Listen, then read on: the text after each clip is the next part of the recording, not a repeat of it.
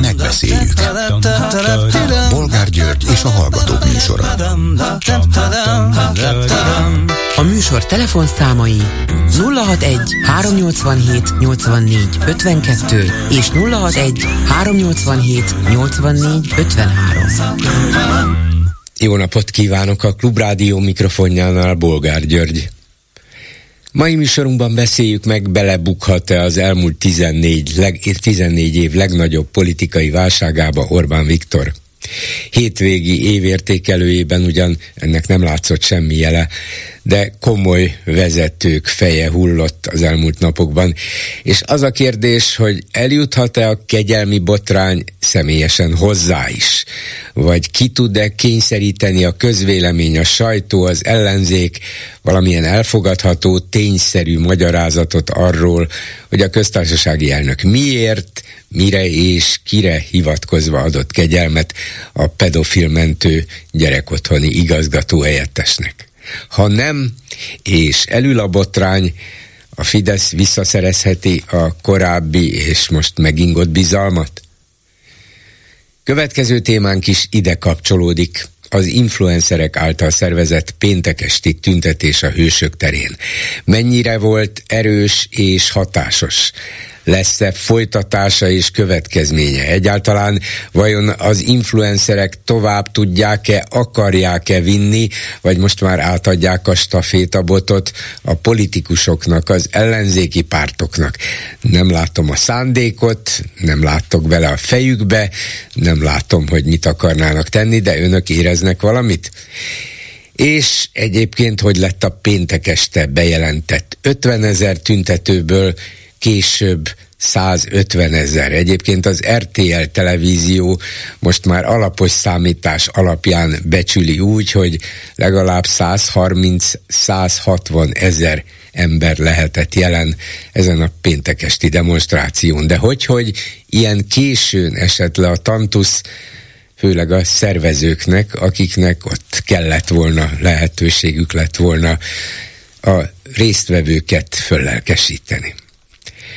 Mit gondolnak aztán arról, hogy eközben Orbán folytatta a durva keménykedés külpolitikáját? Annyira, hogy a hétvégén egyetlen kormánytag vagy fideszes képviselő sem volt hajlandó fogadni négy Budapestre érkezett amerikai szenátort, aki a NATO bővítés magyar akadályozása miatt tárgyalt volna illetékesekkel. De úgy látszik, hogy Orbán még ezt is megengedhette magának, mert közben kiderült, hogy a svéd miniszterelnök engedett neki, és Magyarországra jön még a parlamenti szavazás előtt, vagyis teljesíti Orbán egyébként nevetséges feltételét. Ha ennyire képes a nyugat, akkor ők is megérdemlik a magyar vezért, nem csak mi. És végül beszéljük meg azt is, hogy ugyanez a kemény és hajthatatlan magyar kormány egyetlen szóval sem emlékezett meg a szibériai börtönben meghalt orosz ellenzéki vezető Alexei Navalnyi haláláról. Úgy látszik a magyar szuverenitás eddig terjed, mondjuk az orosz határig. Újabb és újabb erkölcsi mélypontokra zuhanunk, mármint a kormány zuhan, de velük együtt mi is vagy éppen most emelkedünk föl a nagyhatalmak mellé, pontosabban emel föl bennünket a nagyok közé Orbán Viktor. Telefonszámaink még egyszer 387 84 52 és 387 84 53. Háló, jó napot kívánok! elnézést, üdvözlöm. Simóci László, ön, ön az bolgárul, nem tudom. Én, én vagyok, a hangom ugyan fe, fedő hang, igen. Áruhában, álhanggal jelentkezem, igen. Teljesen furcsa volt, tehát én is meg vagyok fázolni. Így van, ez, ez kapott el engem is. Szerettem volna néhány szót, hogy köszönöm, hogy szót kaptam, hogy hogy igazából ez sokkal, sokkal, sokkal fontosabb Magyarország jövője, tehát a jövőjét nagyban, nagyban, nagyban meghatározó dolog ez, hogy így, így viseltettek a, a svédek NATO ratifikálásával kapcsolatban. Szó szerint semmibe vették a, a mostani Biden kormányzatnak a, a képviselőit, ha ez szabad így, igaz? Hát, Tehát ez egyértelmű Az, hogy ide jöjjön, igen, az, hogy ide jöjjön négy amerikai szenátor, ráadásul az Orbán által favorizált republikánusok egyik szenátora is, igen, nem csak az általa gyűlölt demokraták három szenátora. A 99-ből négy itt van.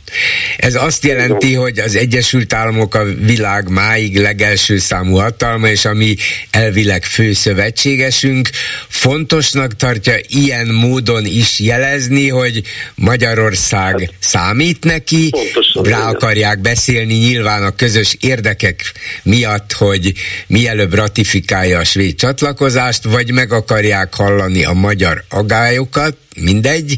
A lényeg az, hogy ide jön négy fontos ember, és Orbán Viktor a tisztelet jegyében még annyit sem mond nekik, hogy jó napot. Hihetetlen. Hát igen, és ugye azt ne feledjük el, hogy azért a NATO az a demokráciára, a védelmére jött létre, a demokratikus világrend védelmére jött rá. Tehát egyszerűen egy olyan, hogy is mondjam, egy olyan ellentét, ami, ami, ami, amit ők képviselnek, mármint itt a, a magyar kormány részéről, ami teljes mértékben összeegyeztethetetlen az európai értékrenddel. És az egész unió és az egész ez, ezzel kapcsolatos jövőképpel a putyini, a putyini tervnek a abszolút a teljes kiszolgálói ők, és sajnos ez a, hogy is mondjam, én szerintem ez a balkáni átrendeződés, vagy az ő általuk kívánt átrendeződésnek a, a segítése ez, véleményem szerint. És amikor mondtam önnek talán néhány évvel ezelőtt, hogy Orbán Viktor azért hát fontosabb, fontosabb szereplő itt azon a bizonyos saktáblán, mint sokan azt gondolták, ez a geopolitikailag is azért nagyon jól látszik a térképen, aki tudja azt, hogy hát Románia felől azért nehezebb úgy azért levonulni oda Szerbia felé a Balkára, mint azért Magyarországon keresztül. És hát azért lett volna lényegesebb, nem tudom, itt vagyok még? Hogyne. Csak így mondom, hogy így, így, ez a, így ez az orosz csapatok, a szárazföldi csapatok és egyéb haderő szempontjából azért sokkal irrelevánsabb az, hogy így a Magyarország területén az Alföldön szépen le tudnak menni. Csak hát, hogy is mondjam, én azért kétségeim vannak, hogy ezt a NATO azért szótlanul és csöndben végignézi majd. De az biztos, hogy az árulókat azokat nem szívesen, vagy nem, nem hogy mondjam, nem nagyon bocsátanak meg neki. De látja, itt a svéd a miniszterelnök nyilván úgy döntött, hogy nem Svédország... időpontot, én úgy tudom, hogy mint mondta, ha, hogy eljön, de... Mintha a szavazás előtt jönne, mintha ezt is érzékeltette igen, volna, hogy még igen. a szavazás előtt igen, akkor tisztázzák a... Most már mindenki bevetett mindent, egyébként nagyon, tehát ennyire fontos ez az egész, tehát annyira sarkal, tehát hogy mondjam, tehát Svédország egy komoly haderővel bír, Finnország az ilyen 7-8 milliós lakos, ugye, ha jól tudom, de Ma, Svédország már, már több lakosa van, mint Magyarországnak, már tíz körül van, igen. Tíz, tíz fölött, de a finnek kevesebben vannak. A finnek kevesebben, igen. Hogy ők már nagyon régóta, ki, hogy mondjam, állandó készültségben vannak igazából a finn hadsereg is, tehát ők, ők azért erre számítanak. Igen. Ismerik az oroszokat, úgymond. Igen. De ha egyszer megbomlik ez az egység, tudja, mindenhol, bármilyen szempontból, itt is lehet az Európai Unióban, hogy állandóan vétózták, nem tudott előre alapni komoly döntésekbe. Teszem az amerikaiaknál most, a, most nem jut eszembe a nevem, a NATO egyik képviselője mondta, hogy most már veszélyessé vált Orbánék ténykedése, ha jól tudom, így fejezte Nemzetbiztonsági kockázat, biztonsági, biztonsági kockázat, kockázat, igen, igen. Kockázat, így van, és az Európai Unióra nézve is, és én meg vagyok győződve, hogy előbb-utóbb most már a közeljövőben lépni fognak ez ügybe. És én, én igazából attól tartok, így nem tudom, hogy önnek mi a vélemény ezzel kapcsolatban, hogy még a kilépést is meg fogják kockáztatni Orbánék szerintem. Hát az öngyilkos politika lenne. Azt mondja. Hát, Abszolút. Hát nézze, az orosznak ez voltak, hát emlékszik talán Putyi régi ilyen televíziós interjúja, amikor mondta, beszéltek vele, hogy, hogy nem is biztos, hogy a kelet-európai országok uniós tagok maradnának és NATO tagok. Nem volt egy ilyen beszéd, amilyen a nem is biztos tudja, hogy Igen, igen. Jó, sok, én, én mind, most már mindent el tudok ez képzelni, csak azt látom, hogy bármelyik szervezetből ki akarna lépni, az öngyilkosság volna Magyarország számára. Lehet, hogy Orbánnak hát, az első percben még nem, de aztán neki is. Hát az biztos. Olyan egyébként itt a nagy függetlenség, meg ez a nagy, erre ezt még egy mondatban talán, hogy ha segítsen ezt a mondatot, ez a független, hogy a szuverenitás, ez a szuverenitás, az, hogyha az, az, igen. Magyarország kilép, az a, ez a vákum az ott lesz, és az biztos, hogy be fogja tölteni. Más nem a, az oroszok. Tehát hát igen. Én nem tudom azt elképzelni, hogy itt Magyarország egy ilyen kis, kis zárt térbe így tud működni. Így van, hát ha, hát vala, ha valami tanulsága van az elmúlt ezer évnek, akkor ez hogy nem lehet itt Európa közepén senkihez nem tartozni, vagy ehhez, vagy ahhoz tartozni kell. Ha ezt Orbán Igen. nem látja, nem tudom elképzelni, hogy ne lássa, ennél azért sokkal többet tud, akkor, akkor vak, vagy elvesztette a látását, Igen, de... És ennek a magyar társadalom ehhez asszisztált végig. Igen, igen. Ehhez a folyamathoz.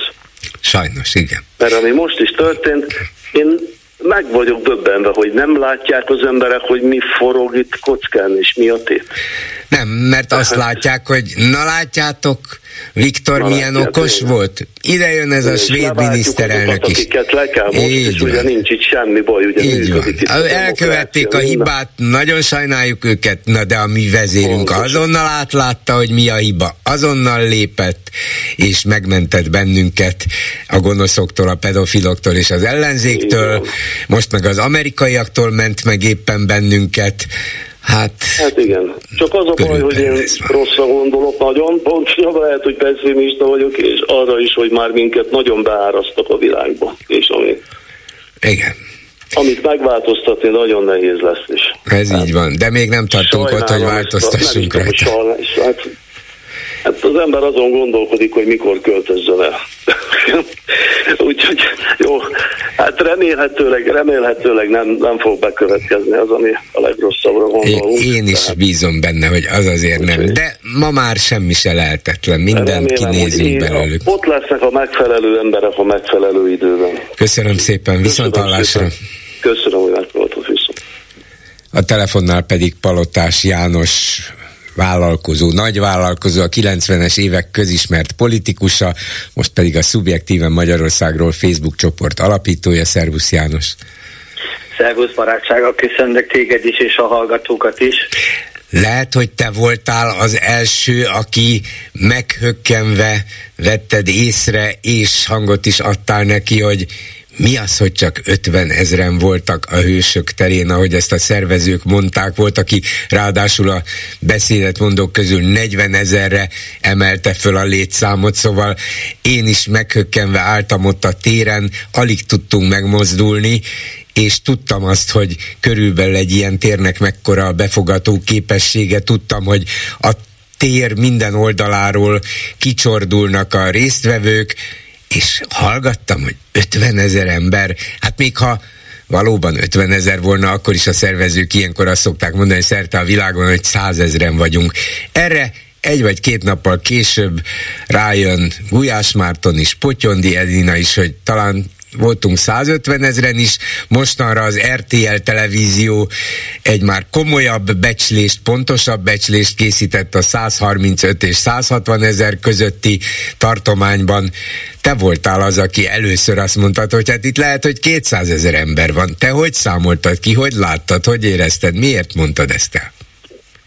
Hát lehet, hogy csúnya dolog, és sokan csalódni fognak bennem, de matematika szakosként végeztem a középiskoláimat, és hát valahogy a gondolkodásmódomban az, az arányokat azt az egész életemben, még a jogi gondolkodásomban is mindig használom, és hát egyértelmű volt számomra, hogy nagyságrendi a tévedés, tehát nem kicsi, hanem nagyságrendi, és utána hát hazamentem, és megnéztem, mert nem olyan bonyolult, mindenki meg tudja nézni a Google-ön, hogyha az Andrási Út az 35 és 45, a legkeskenyebb részén 35, a legnagyobb részén az 45 méter hosszú, a már Kodály köröntől, van széles elnézést, 1,6 kilométer mély a terész, eh, terészköröttig, és hogy csak ezen a területen, ha nagyon lazán számolom, tehát ha borzasztóan lazán számolom a, az emberek szélességét, ha, ennek vannak matematikai, nem akarom fárasztani az embereket, de ha széksorokat teszünk egymás mellé, akkor 60 centis egy szék, és nem egész egy méter a mélysége a, a széksoros színháztermi leülésnek is. De ha valaki már látott ezerfős, én nekem ugye volt szeptemberben ezerfős rendezvényem, ül, ültetett rendezvényem egy teremben a Lurdi házban.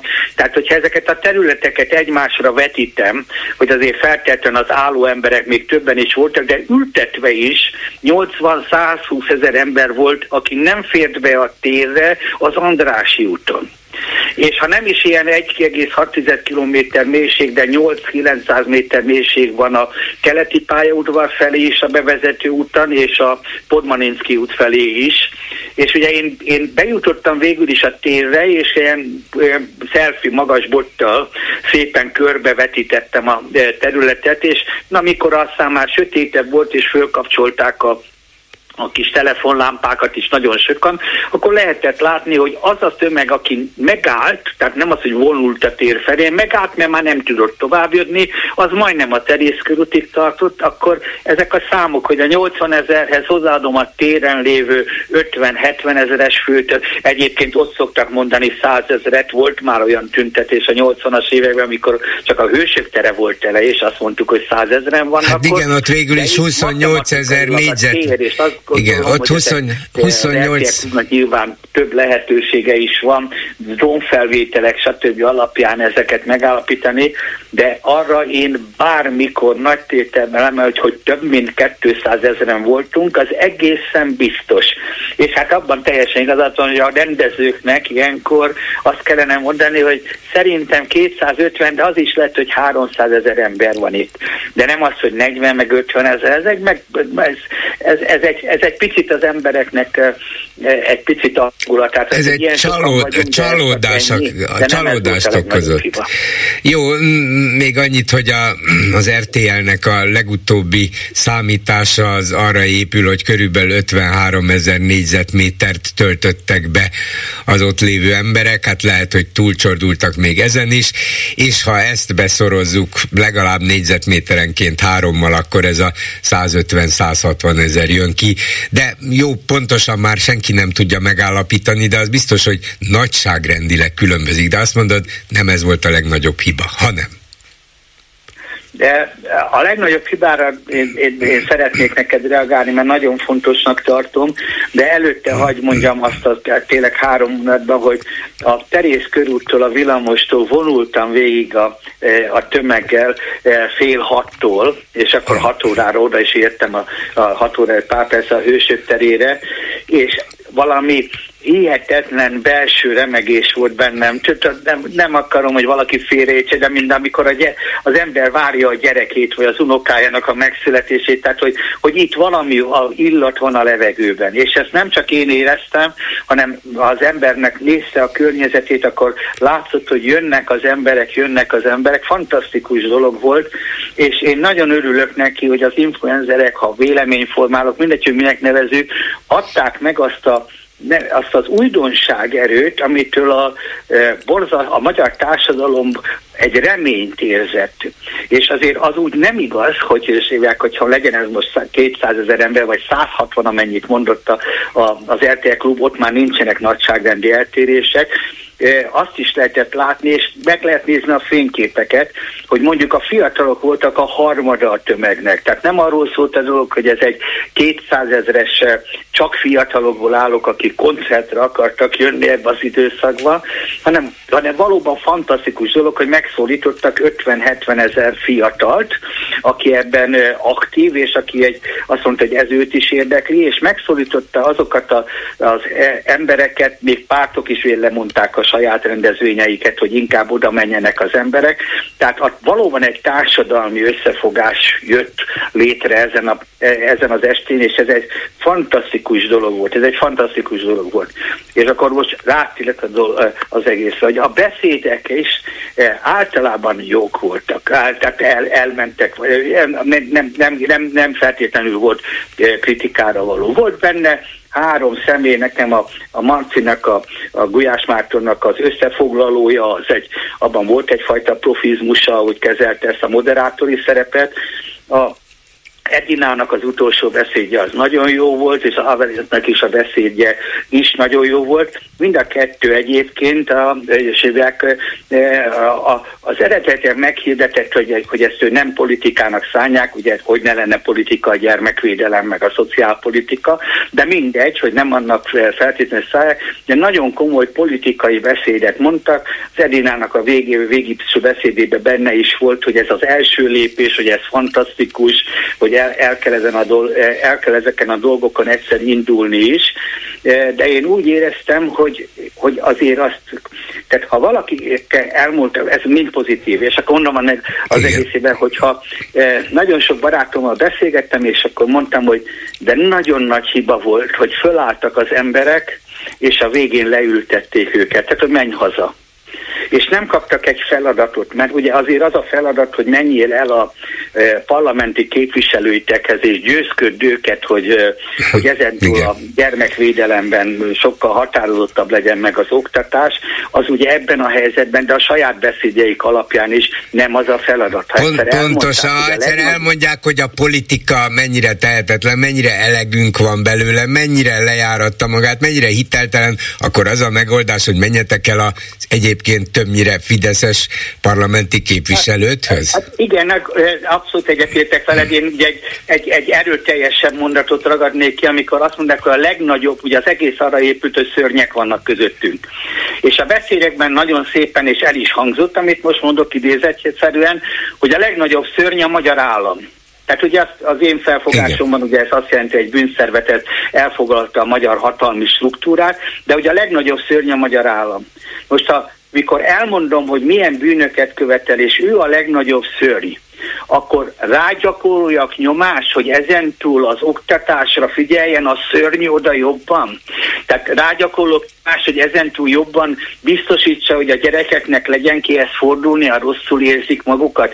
Tehát akkor ellentét van ebben a mondatban, eh, az egészen, ahol a, és az, az ellentéttel van a probléma. Tehát, hogy ha én kiemelem a, a a magára hagyott magyar árva gyerekeket, eh, gyermekotthon gyermekeket, akik fölhívták a figyelmet, figyelmet ennek a rendszernek az elfogadhatatlan voltára, és kiemelem őket az állam alól, mert azt mondom, hogy meg kell onnan mentenem, hát nem adhatom neki vissza. Tehát azt csak egy másik államnak adhatom vissza. És ott volt az a lehetőség, eh, ami eh, azt mutatta, mondjuk én mindent ugyanígy csinálok, és csinálnék, és a legvégén azt mondtam volna, hogy jöjjünk vissza jövő pénteken nem ennyien, hanem másfélszer ennyien, majd a következő pénteken is jöjjünk vissza, mindaddig, amíg ez a legnagyobb szörnyön le nem mond a hatalmáról és nem tudunk írni egy szabad választást. És akkor a jövő héten, vagy ugye most pénteken elmentünk volna, ha akkor voltunk 200-an, akkor 300 ezeren. Ez benne volt a levegőben, ennek a felhívása. Igen, valami, haza... valami cselekvésre kellett volna felszólítani. De, hát ha nem de... Célt, akkor miért Igen. hívtál el?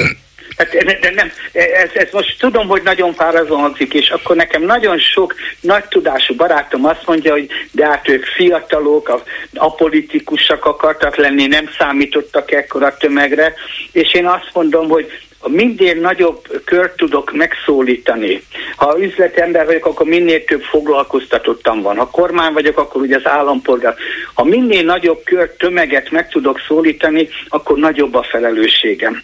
Tehát a det, tehát amikor erre azt mondja, hogy de, arra én azt mondtam, hogy ne folytasd a det ne folytass. Tudni kell, elmúltak valamennyien 18 évesek, tudniuk kell, hogy mekkora felelősség, ha fölállítják a társadalmat, és az a társadalom egy fantasztikus volt, föl is állt. Akkor ezt a felelősséggel nem élni, Tehát ezzel a, ez a felelősséget nem, hogy kiszolgálni, hanem visszaültetni. Menj haza és ülj vissza a földre, honnan nagy nehezen senki másnak nem sikerült, csak nektek föl tudtátok állni, mert hitet adtatok az embereknek, hogy itt változás lesz. Akkor azért az súlyos hiba azért azt én súlyos hibának tartom. Igen, hát a, a, e, i- ilyen nehéz dolog a politizálás, főleg ha valaki legalábbis formálisan nem akar politizálni. Hát akkor de akkor ne állítson föl. Igen. Tehát ez nagyon lényeges dolog. Tehát, hogyha én nem, ha nem tudom a, a vállalkozásomban, nem tudom az embereknek, akik eljöttek velem dolgozni, nem tudok nekik fizetést adni. Tehát most nem tudom más mondani. Megmagyarázhatom, hogy miért nem tudok, de akkor nekem van jogom létrehozni a vállalkozást, meg becsukni a vállalkozást. Tehát amikor vállalok, tehát valamivel élek, akkor utána mondom, de nincs tovább, az, az a társadalom, aki oda ment, és akkor én egyenesen ugye tömeggel szép lassan vonultunk le, akkor igenis ott volt fiatalokban, középkorúakban, stb. az arcukban a különböző módon, de saját maguknak feltett kérdést, hogy akkor mi van? Tehát miért voltunk itt? Hát igen, a, a, a, de jó, jó volt ott lenni, csak az ember várta volna a következőt, igen. Igen, de, de ha nem, mert most még ezt még lehet javítani, tehát én, én sosem kritizálok, ha nem látom azt a dolgot, hogy talán ezt ha felismerem és elismerem, akkor meg tudom mondani, meg tudom, ha ugyanők, tehát hiába én, ha ugyanők megfogalmazzák, hogy igenis váltás kell, nem tehetjük vissza a gyermekeinket a legnagyobb szörnyhöz az egész rendszeren belül. Ezt a rendszert eh, újra kell kezdeni. Beszélgettem Iványi Gabival a hétvégén, Iványi Gáborral a hétvégén, de e, elkészként abszolút ez a véleménye, pedig az egyház ugye az a legtoleránsabb, ugye egyébként, hogy nem, ezek nem maradhatnak, hát ez nem, ez tönkretesz az országot. Hallgattam az előttem lévő befe- e, beszélgetésnek a befejező mondatait, és ott volt benne, hogy hát lehet, hogy ezek kivisznek a e, Unióból vagy a NATO-ból minket. Azt is hallottam, hogy mondtad, hogy ma már minden elképzelhető, kettő, de hát azzal nagyon nagy öngolt lőnénk. E, igen, de a nullpont az onnan van, hogy ők nem tudnak bennmaradni a NATO-ban és az Unióban, mert akkor megbukik a hatalmuk. Ha megbukik a hatalmuk, börtönbe kerülnek. És ha börtönbe kerülnek, onnantól már nincs társadalmi érdek. Még az sincsen, hogy saját maguk is az unión belül mondjuk több pénzt tudnak lopni. Hát igen. De ha nem az a kérdés, hogy mennyit lopunk, hanem az, hogy börtönbe maradunk, börtönbe kerülünk, vagy hatalmon maradunk, és tovább csapoljuk a egyre szegényedő országot, akkor az utóbbit fogja választani. Hát ez a kényszer pályája, de ezt nem szabadna nekünk megengedni. megengedni. Köszönöm szépen Palotás Jánosnak, szervusz, minden jót. Köszönöm neked a érdeklődést, és további szép napot, vagy e, adást kívánok Igen, mindenkinek. Szervusz. Háló, jó napot kívánok! Halló, jó napot kívánok! Parancsolj. Miklós vagyok Budapestről. Igen. Emlékeztetném szerkesztő urat, hogy nemrégében volt vendége, Szabó Téme a országgyűlési képviselő, ugye? Egy hete, Igen. körülbelül egy hete volt vendég. Emlékszik rá? Hogyne. Nos, ö, ö, kár, nagy kár, hogy most kaptam szót, illetve dehogy kár, hát szerencsém, hogy szót kaptam, azt lehet mondani, csak nagy kár, hogy már most nem tudok e, élőben beszélni vele, mert ő lenne a korona tanulja annak, amit elmondok. Tudni, ő adta be annak idején Szab, ö, Balogh Zoltának azt az interpellációt, amire megjött a Szabó ö, Balogh Zoltán válasza, amivel mindent megtagadott, mindent letagadott, és mindent pont ellenkezőleg a, a, az interpretáció tartalmával ellentétesen állított. Ez egy olyan ügy volt, amelyik már akkor felvetette úgy a Szabó vagy a Balogh Zoltának a felelősségét, mint akivel ő már akkor nagyon nagy az államhatalom belül, a kormányon belül is nagyon nagy barátságba állt, vagyis Orbán Viktorral. Nagyon jól tudtuk már akkor mi, hogy a maga az ukász az Orbán Viktortól jött, hogy a mi ügyünket, amiben az interpelláció is megszületett, azt az ügyet azt el kell taposni. Szabó vagy Balogh Zoltán ebbe bele is állt, meg is tette. Ez az ügy nagyon egyszerű, most egy, előkerült egy dokumentumja, a, amit annak idején a Magyar Narancs írt meg. És ez arról szól, hogy a Vakok Állami Intézetében megvertek két vakembert, egy csúnyán összerúgdaltak és összevertek. Aki elrendelte a verést, az a Vakok Állami Intézetének igazgatója volt, igazgató nője, Szabóné Berta Irén. Ő rendelte el a verést, és az intézetben bújtatott és illegálisan itt tartott bűnözővel végeztette el ezt a dolgot. Miután ezek kiderültek, a két ember mind a kettő kórházba került, majd onnan valahogy az intézet tekintélye és a, a, a egészségügyi vonatkozásai miatt az egész ápológárdával követték a, az embereket a kórházba és hozták majd őket vissza. Ez alatt az idő alatt próbáltunk meg dokumentumokat összegyűjteni erre a verésről. Kiderült, hogy az igazgatónő azért verette meg a két vakembert, mert eladta a intézeti áll, lakásállományhoz tartozó lakásoknak a, a, a, abból kettőt, a Vejnek Leonárdal összefogva az akkori Na most akkor ebből, ebből mi lett a végén? Az, hogy Balogh Zoltán magához vette ezt, a, a, tehát interpelláltak, és majd, hogy nem, ő, ő is egy ilyen vizsgálatot indított, majd a vizsgálat végén kijelentette, hogy minden a legszabályosabb rendben történt. Itt semmi olyasmi nem történt, hogy, hogy a, jogilag és minden más egyéb szempontból előírásszerűen mentek a dolgok a Vakó Állami Intézetbe, és amit mi állítunk, tehát a, akkor még felperesként állítottunk, az mind hülyeség, egyszerűen nem igaz.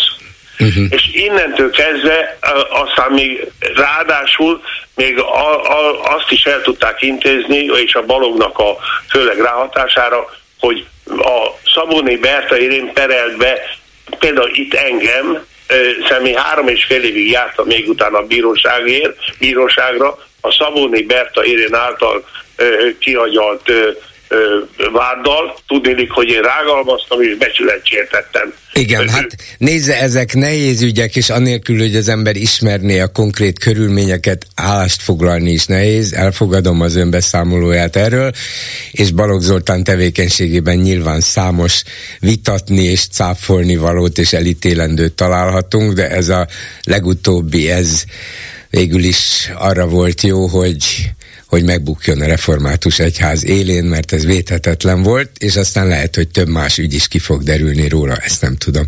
Köszönöm szépen viszont hallásra. A vonalban pedig Simonyi András Magyarország, sőt a Magyar Köztársaság volt washingtoni nagykövete. Jó napot kívánok! Jó napot kívánok! És hát valami olyan történt, ami az én fejemben nem csak szöget ütött, de valahogy uh, arra is késztett, hogy elgondolkodjak, de hiába gondolkodom, volt-e már ilyen. Itt járt Budapesten négy amerikai szenátor a 99-ből, köztük ráadásul még republikánus ellenzéki is, a republikánus pártot pedig Orbán Viktor különösen szereti. Szerettek volna a svéd NATO csatlakozás jóvá nem hagyásáról beszélgetni magyar illetékesekkel, senki nem fogadta őket, se egy kormánytag, se egy fideszes képviselő, nyilván a tiszteleti egyében. Ön emlékszik már ilyenre, hogy akár Magyarországon, akár más szövetséges országban az Egyesült Államok négy vezető politikusát, hiszen a szenátus az egy nagyon komoly intézmény a törvényhozásban. A 99 tag is azt jelzi, hogy a, a szenátorokból kevés van, elmenjenek egy országba és úgy tekintsenek rájuk, mintha levegő volnának? Hát nem csak az én gyakorlatomban nem fordult ilyen elő, tehát nem csak én nem emlékszem ilyenre, de itt körbe kérdezgettem kollégáktól, hát senki nem emlékszik olyanra, hogy valahol uh, is, és különösen uh, szövetségi tagállamban ne fogadtak volna egy kétpárti delegációt. Amikor Amerikában uh, kétpárti delegációk utaznak, annak jelentősége van, ez azt jelenti, hogy uh, konszenzus van a két nagy párt között, abban az ügyben, amiben éppen tájékozódni kívánnak. Az én megközelítésemben ez egy gesztus akart lenni Magyarországnak, hogy azt kérdezték Magyarországnak, mi hajlandóak vagyunk ezt megbeszélni kultúráltan, és hát én ezt egy politikai otrombaságnak, és mondjuk úgy, hogy ostobaságnak tartom, hogy a magyar kormány részéről nem fogadták. Halló, valahova eltűnt, az Atlanti óceán fölött eltűnt a hangja. Most igen, otro, otrombaság, ott tartottunk, igen. Jó, szóval ez egy otr, otromba, otromba dolog, külpolitikai ostobaság, és még az is belefért volna, hogy egy udvariassági beszélgetésre fogadja a delegációt Orbán Viktor miniszterelnök, vagy ha lenne Magyarországnak köztársasági elnöke, még az is fogadhatta volna. Igen. Hát ez mondjuk ebben a helyzetben kicsit kínosan sült volna el, de bárki, hát azt mondanám, hogy igen, azt mondanám, hogy bárki, de egy ilyen igazán nem egy e, példanélkül álló, és nem csak, hogy otromba, de, de egy, egy az Egyesült Államokat semmibe vevő magyar gesztus következmények nélkül maradhat? Hát ha az Egyesült Államok ezt is lenyeli, akkor Orbán azt mondja, na látjátok, ezt is megcsináltam.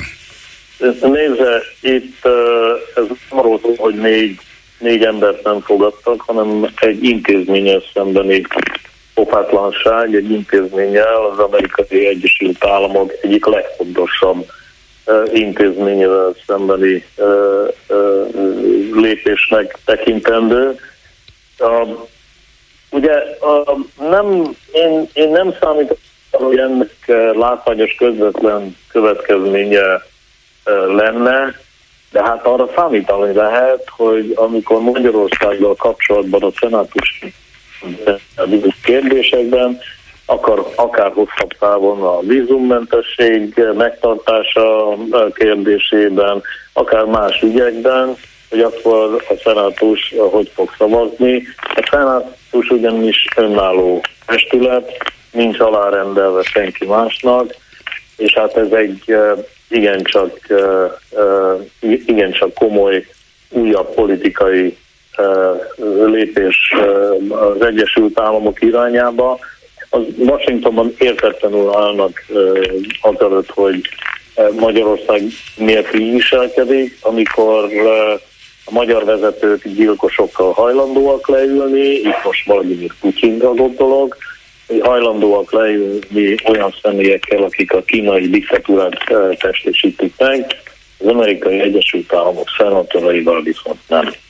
De hát, ha az amerikai Egyesült Államok azt mondja, hogy hát nekem ez is belefér, én annyira demokratikus ország vagyok, és a diplomácia hagyományait is tiszteletben tartom és gyakorlom, hogy hát ha egyszer egy kis független ország vezetése így akarja, nekem ez így is jó. De hát tudjuk, hogy azért a dolgok nem ennyire sterilek, és, és valamilyen válaszok mégiscsak érlelődhetnek, készülődhetnek, már csak azért is, mert az amerikai politikát is, de az itt lévő amerikai nagykövetet is naponta gyalázza az Orbán kormány, mintha legalábbis Magyarország volna a nagyhatalom, bár akkor se volna szép tőle, és az Egyesült Államok egy 10 milliós vagy 9,5 milliós kis szövetséges ország. De mintha megváltoztak volna a szerepek. Magyarország eróziója Washingtonban folytatódik, és ez az a lépés, meg, megint eltűnt, szerintem most az Atlanti óceán alatt a kábelekben tűnt el a hangja. És most hall engem? Most igen. Hát, Vagy nem. Vagy, vagy nem, annyit értettem, hogy az eróziója, Magyarország eróziója folytatódik Amerikában. Ú, hát saj, saj, sajnos Simonyi úr, valamiért nem, nem találjuk most egymást folyamatosan.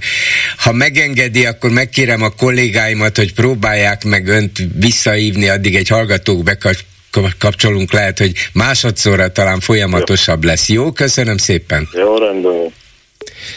És akkor egy hallgató a vonalban. Halló? Halló? Igen, jó napot kívánok! Tiszteletem, bolgár úr, jelő vagyok Csömörről. Nekem érzésem van. Na. Szóval közeleg március 15-e, és ez az Azaria, mint hogyha ő lenne az új Petőfi. Magyar Péter pedig az új Tárcsics. Érdekes. Szóval a lényeg az az, hogy én ott voltam mind a két tüntetésen, amikor ugye ö, ö, Novák Katalin mondjon le, ott tényleg az idősek voltak, és ott voltam itt ezen az Azariák féle ö, tüntetésen, ugye ami legutóbb volt, teljesen más korosztály, de látszott, hogy elégedetlenség van. Igen.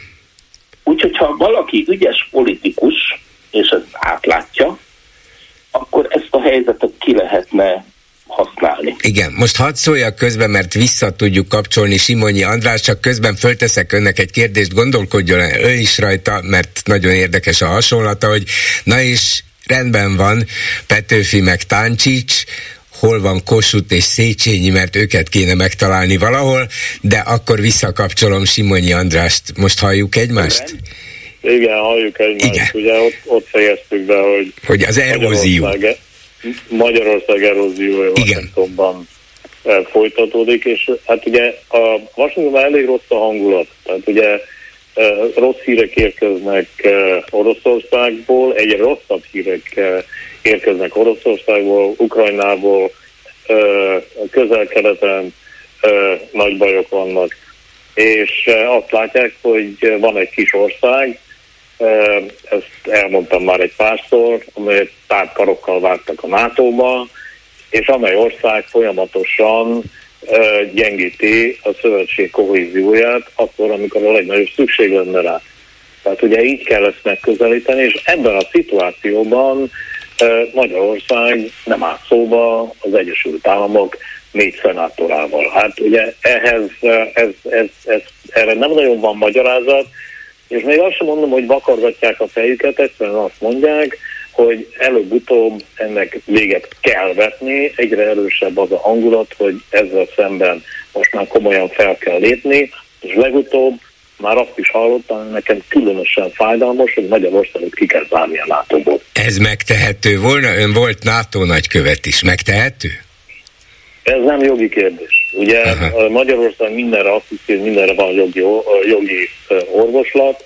Ugye abban gondolkodik, hogy eh, ahogy az Európai Unióban mindent jogi úton meg tudott akadályozni, majd ezt a NATO-ban is meg fogja tenni. Kérem szépen a, a, a NATO egy eh, olyan szövetség, egy olyan politikai szervezet, amelyben az Egyesült Államoknak a vezető szerepe kétségtelen, és ha ez egy politikai döntés kérdése, és meghozzák ezt a politikai döntést, meg fogják találni annak a módját, hogy Magyarországot szépen lassan először kiszorítsák, majd utána esetleg kizárják a szövetségből.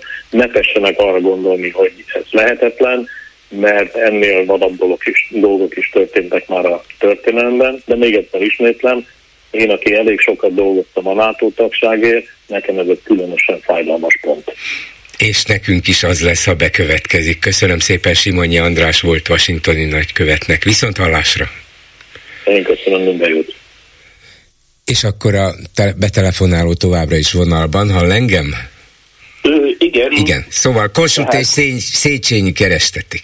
Igen, Kossuth Széchenyi, szóval itt most nem tudom, hogy mi lesz a következő lépés, de én úgy látom, hogy a klubrádióban maguk nagy tudású, intelligens, szuper emberek, nagyra becsülöm önöket, de a mai fiatalságot valahogy be kéne vonni ebbe a témába, ha nem szeretnénk Orbán Viktort még 40 év múlva is ugye a hátunkon.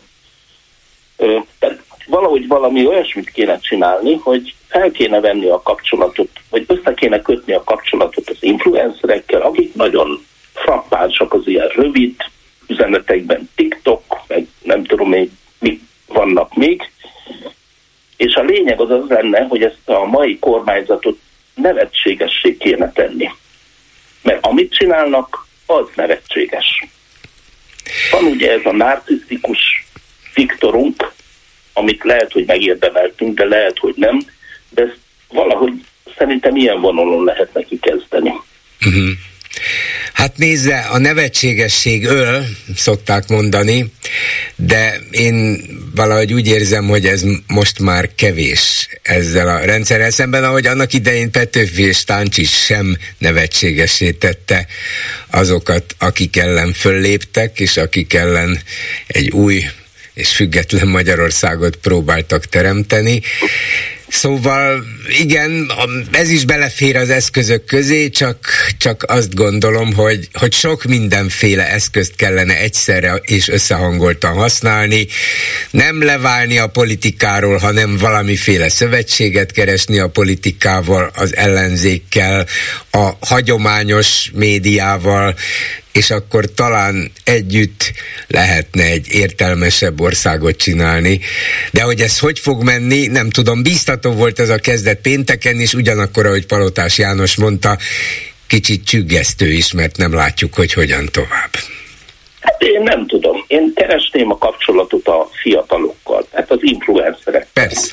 Egy, ebben egyetértünk. Rövid, igen hatásos videók, nem tudom hány másodpercesek ezek a, nem tudom én micsoda, TikTok, meg hasonlók, nem értek hozzá, de valahogy ide kéne koncentrálni, mert én mondom, a legutóbbi tüntetésen ott voltam, és ott tényleg csak volt a fiatal. És hát én reketre ordítottam magam, ugye a hátsó sorokból, hogy Orbán takarodj, és akkor a fiatalok hátrafordultak, és akkor értetlenül néztek, hogy akkor ez most mi. Aha. Pedig hát az ő jövőjükről van szó. Igen, igen. Hát meg kellene értetni velük, hogy miről van szó, nem csak egy botrányos ügyről, hanem arról, hogy ez a botrányos ügy az egész rendszer jellemző bűne és hibája. És ha ezt az egyet valahogy megoldanák, azzal semmi nincs megoldva. Ugyanaz az álszent, egy központból irányított, igazságtalan, embertelen politika folytatódna, mint eddig. Ha ezt nem hát, értenék meg, akkor baj van. Igen. Hát én ezzel nem értek egyet, mert minden változást ugye el kell kezdeni valahol. És még egy kérdés így befejezésről, vagy hát még egy megjegyzés, hogy ugye ki a miniszterelnök helyettes? Semmilyen Zsolt. Pontosan. És ő miért felelős? Egyházpolitika, nemzetpolitika, meg nem tudom én micsoda. Igen. Ő meg sem a kérdésben, pedig ez erősen ide tartoznak. Hát most eljátszák az állam és egyház szétválasztásának szomorú játékát, vagy vígjátékát, hogy nekünk aztán semmi közünk nincs az Na egyházak belügyeihez. Semjének, semjének meg kéne nyilatkoznia, szerintem. Hát kéne, persze, igaza van. Csak mondom, Igen. hogy ők most ezt játszák, hogy ó, hát az az, az egyház belügye, mi abba bele nem szólhatunk, persze. Mm. Szóval, Köszönöm szépen. Ö, Igen. A véleményem az az, hogy össze kéne fogni. Tehát maguk tapasztalt rutinos rókák és a fiatal influencerek. Jöjjenek az influencerek. Szívesen látjuk őket. Köszönöm szépen. Viszont hallásra. Hát akkor röviden mai témáinkról belebukhat-e önök szerint az elmúlt 14 év legnagyobb politikai válságába Orbán Viktor? A hétvégi évértékelője alapján úgy tűnik, hogy ő erre nem számít.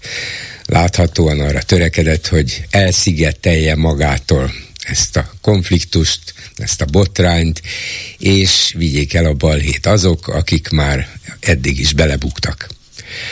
Aztán a péntekesti tüntetésről érdekesség, hogy annak idején ott péntek este az influencerek, a megszólalók körülbelül 40-50 ezresre becsülték a tömeget, ami összegyűlt, bár már akkor is érezhető volt az ott lévők, legalábbis így érezték, hogy jóval többen vannak, aztán utána egy-két nappal maguk a szervezők mondták, hogy nem, nem is 50 ezeren voltunk, hanem 150 ezeren legalább, azóta az RTL televízió egy pontosabb becslést és számítást végzett ennek alapján minimum 135 ezertől 160 ezer fölötti számig is lehet becsülni.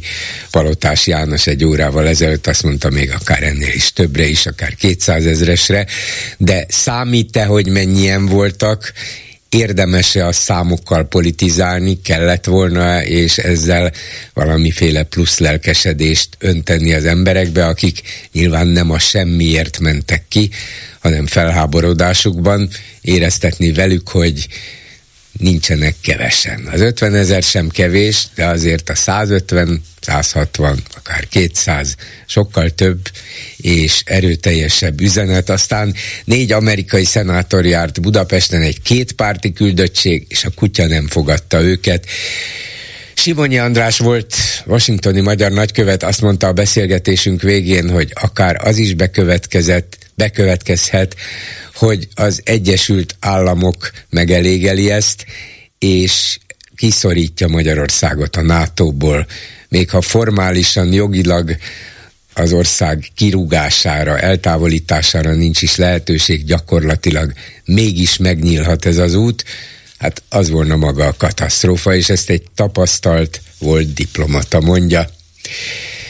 Arról már nem is beszélek, csak egy fél mondatban említem meg, hogy egyetlen szóval sem reagált a magyar kormány egyik tagja sem. Az orosz ellenzék vezetőjének haláláról Alexei Navalnyi egy szibériai börtönben halt meg, ahol még ki tudja hány évet kellett volna eltöltenie, ha megéli, de hát nem élte meg, és erre akkor már számítani lehetett, amikor hazatért Oroszországba. Így működik Putyin Oroszországa. 387 84 52 és 387 84 53 a számunk. Háló, jó napot kívánok! Háló, háló! Halló, jó napot kívánok, Bolgár úr, Konrád Lívia vagyok, üdvözlöm Önt és a hallgatókat. Parancsoljon, hallgatom. Azzal kapcsolatban jelentkeztem, hogy Navalnyi egy mártír, de ő ezt vállalta. Szerintem az első pillanattól kezdve, hogy letartóztatták, tudta, hogy meg van számlálva, nem csak nem az évei, Igen. hónapjai. Igen, valószínűleg. Egy olyan ország, ahol, ahol a hatodik, hetedik emeletről röpködnek ki az emberek, és az újságíró őt a saját lakása előtt agyon lövik, ott nem lehet másra számítani. Ez így van. És hát azok után ment haza, hogy őt Ő majdnem sikerült eltenni lába, tehát ő- tudatosan vállalta ezt a mártíromságot. Reméljük, hogy nem hiába, és lelkiismeretesen mit tovább viszik a, azt a lángot, amit ő szeretett volna. Igen. De ettől még megérdemelt volna néhány együttérző szót. Ő is, meg azok is, akik Oroszországban a szabadságért harcolnak.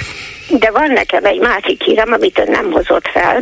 Már korán reggel hallottam, és eléggé megijedtem tőlem, hogy kormányunk tárgyalásokat folytat a kínai elhárítással, és szerződést akarnak kötni egy ilyen nemzetközi terrorelhárítás, bűnöldözés, ahol hogy a, és jogot kapnának a kínaiak arra, hogy itt is kutakodjanak.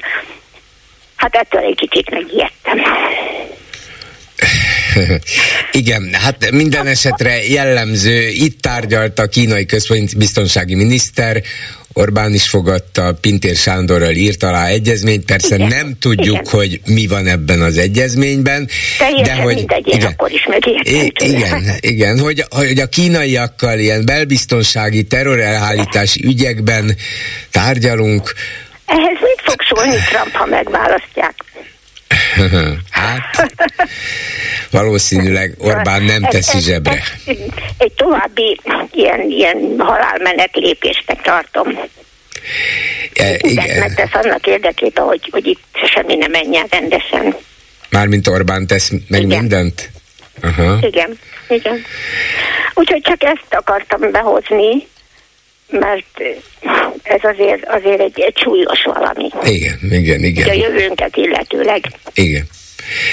Jó, köszönöm, köszönöm szépen. Remélem, hogy előtte ezek a fiatalok még magukhoz térnek, és be, betartanak annak érdekében, hogy, hogy az kínaiak legalább ne jöjjenek ide. Hát igen, sok dolguk lesz a fiataloknak is, a középkorúaknak Igen. is, meg a Meg még az ilyen öregek. még az ilyeneknek is, mint mi vagyunk, így van. Igen. Köszönöm Nagyon szépen, köszönöm, viszont hallásra. Viszont hallásra. Háló, jó estét kívánok. Halló, én vagyok, honnan vagy? Igen. Szabó Gábor vagyok. Tessék, parancsoljon. Ö, azt szeretném mondani, hogy talán mindenki emlékszik még a korosztályomból Ján Palas halálára, aki felgyújtotta magát 1968-ban a Vencel téren, tiltakozva a szovjet megszállás ellen. Na most Navalnyi tulajdonképpen hasonló tragikus dolgot vállalt magára, néha olyan, olyan, olyan sírás folytogat, amikor, amikor erre gondolok, és én azt, azt gondolom, hogy nem szabad, nem, nem, tehát ennek, el, hogy mondjam, Hitler ellen nyilván meg kellett próbálni sok minden, de, de, de annyit nem ér egy Putyin, vagy annyit nem ér egy Orbán, hogy az ember a saját egzisztenciáját ilyen mértékben tegye ö, tönkre. Ez az egyik dolog. A másik pedig az, hogy, hát hogy mondjam, most, most mi, mi szívjuk azt meg, hogy tiltakozunk egy diktatúra ellen. Hát tehát én ezt képtelenségnek tartom. Vagy legalábbis a, a, a költséghaszon, vagy a hozam nincs, nincs arányban. És ez, az, ezek, az Orbán... ezen az alapon mindent el kell viselni, vagy hogy van? Vagy valahogy Én túléljük? nem mondtam, hogy mindent el kell viselni, hanem azt mondtam, hogy nem kell öngyilkos akciót csinálni. Ez azért, hogy mondjam, a kettő között még elég nagy a... Például ön sem vállal olyat, ami... Hát, rengeteg dolgot nem, csinál. Nem, nem vagyok öngyilkos nem alkat, meg hős alkat se vagyok, ez biztos. Én, én baromira elégedett vagyok azzal, amit ön csinál. és valószínűleg hatékonyabb, mint hogyha valami olyat csinálna, amiben belepusztulna. Én, én örülök, hogy hát igen, de, de vannak, és... persze, én is világos, és Na, valószínűleg többnyire, így, többnyire ennek. így vagyunk, de vannak olyan emberek, akik, akik nem bírják elviselni lelkileg, személyig, mert de, azt mondják, hogy nincs, inkább nincs feláldozom. E, ebben lehet, hogy igazam. Nincs akkor a hozadéka, Putyin jót röhög a markába. Az Orbán meg azért nem nyilatkozik, mert egyrészt baromira el volt foglalva, hát értsük meg, hát kapacitással nem végtelen, vagy cinikusan mondom természetesen, tehát a smiley tessék kitenni. Hát egyszerűen nem ért rá ez az ember, mert, mert ugye tüzet oltott idehaza. A másik meg, hogyha rá is ért, és elmerengett ezen a dolgon, akkor lehet, hogy azon gondolkozott, hogy tulajdonképpen ez egy egész jó módszer, és hogy, hogy ezt hogy lehetne átültetni, és akkor nem kellene nem, nem kellene most itt állást foglalni, mert akkor, hát hogyha később ezeket a módszereket, ezeket a putyini módszereket ablakon kiesés, stb. átveszi, akkor ugye vicces lenne, ha most elítélné. Most egy kicsit keserűen mondtam, és én a Navalnyról nem is, nem is akarnék többet mondani. Palotás Jánoshoz szeretnék még egyetlen egy kommentet fűzni. Igen. Azt mondta Palotás János, hogy hát nem jó programot adtak ezek a influencerek, és akkor Palotás Jánosból kitört a politikus, hogy hát, hát egy programot kellett volna adniuk az influencereknek, és akkor majd úgy leváltani a kormányt, és hát az lett volna jó, hogyha ilyen folyamatos tüntetések, hát most is ugye alábecsülték, ezt brilliáns módon tényleg, tehát jó, jó kiszámolta, gondolom jól, Hát annyira jól, hogy, hogy aztán maguk a szervezők is két nappal később azt mondták, okay. hogy ő, nem is ennyien voltunk az RTL, most okay. még inkább, igen.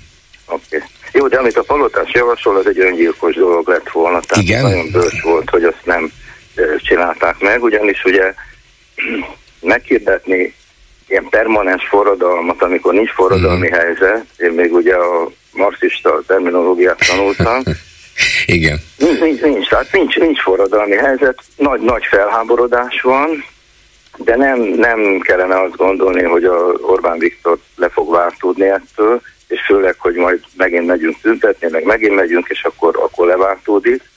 Azért lett volna öngyilkos akció, mert nem sikerült volna, és akkor, akkor a dolog ugye érdektelenségbe fordul. És akkor ők vesztik el a hitelüket, ugye most még van Igen. hitelük, sőt ezzel a tüntetéssel még nagyobb lett, valószínűleg elismerést kapnak a saját követőiktől is, meg még a szélesebb társadalomtól is.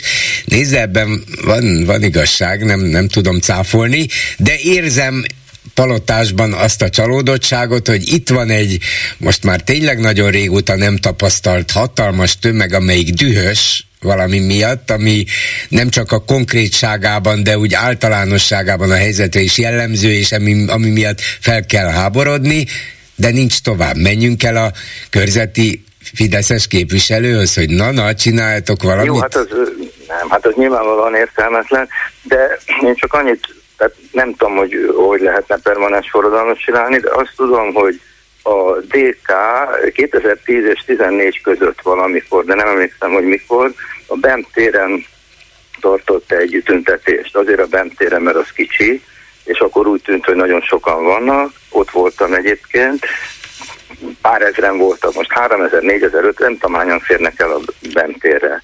És ezt a kicsi teret megtöltve, ugye Gyurcsány Ferenc gyújtóhangú beszédet mondott, és azzal fejezte be, hogy találkozunk, azt hiszem ez szombaton vagy vasárnap volt, a hétvégén, találkozunk szerdán a parlament előtt, és addig nem megyünk haza, amíg a nem tudom most még, vagy, vagy az alkotmánypat volták éppen meg, és az ellen tiltakoztak. Tehát valami, hogy vagy a kormány lemond, vagy az alkotmány módosítás viszont, tehát valami konkrét dolgot mondott, hogy amíg az nem történik meg, addig permanens tüntetés lesz.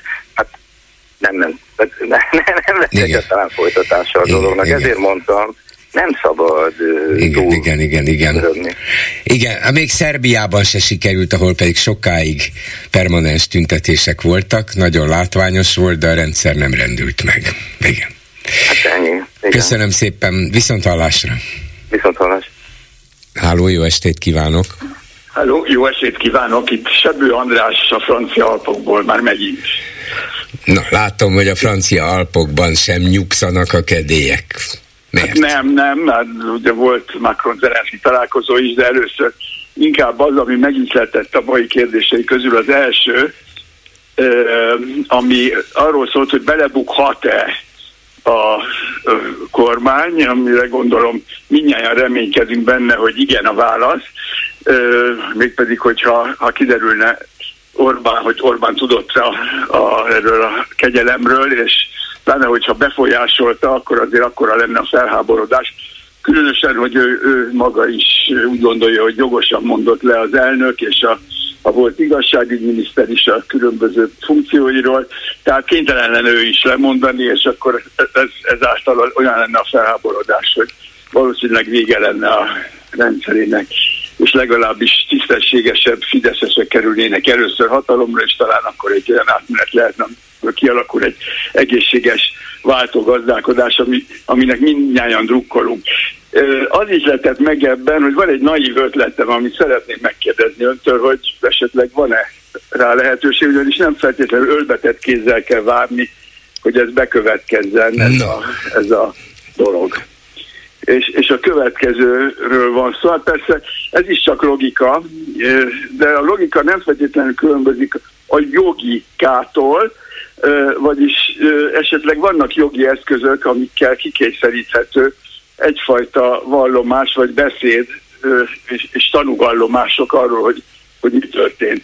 És ez a következő lehetne, ugye azt több hallgató is mondta, és, és a múlt heti szerdai beszélgetésünk alatt is kiderültek ilyen logikai gondolatmenetek, több egymástól független is, ami, amiből azért látszik, hogy Orbán indikálva van de hát ugye éljünk az ártatlanság vélelmével, nem lehet-e feljelentést tenni ismeretlen tettes ellen közvetlen bizonyítékok alapján Kónyány kegyelmi ügyében a döntéshozók befolyásolásának alapos gyanúja miatt.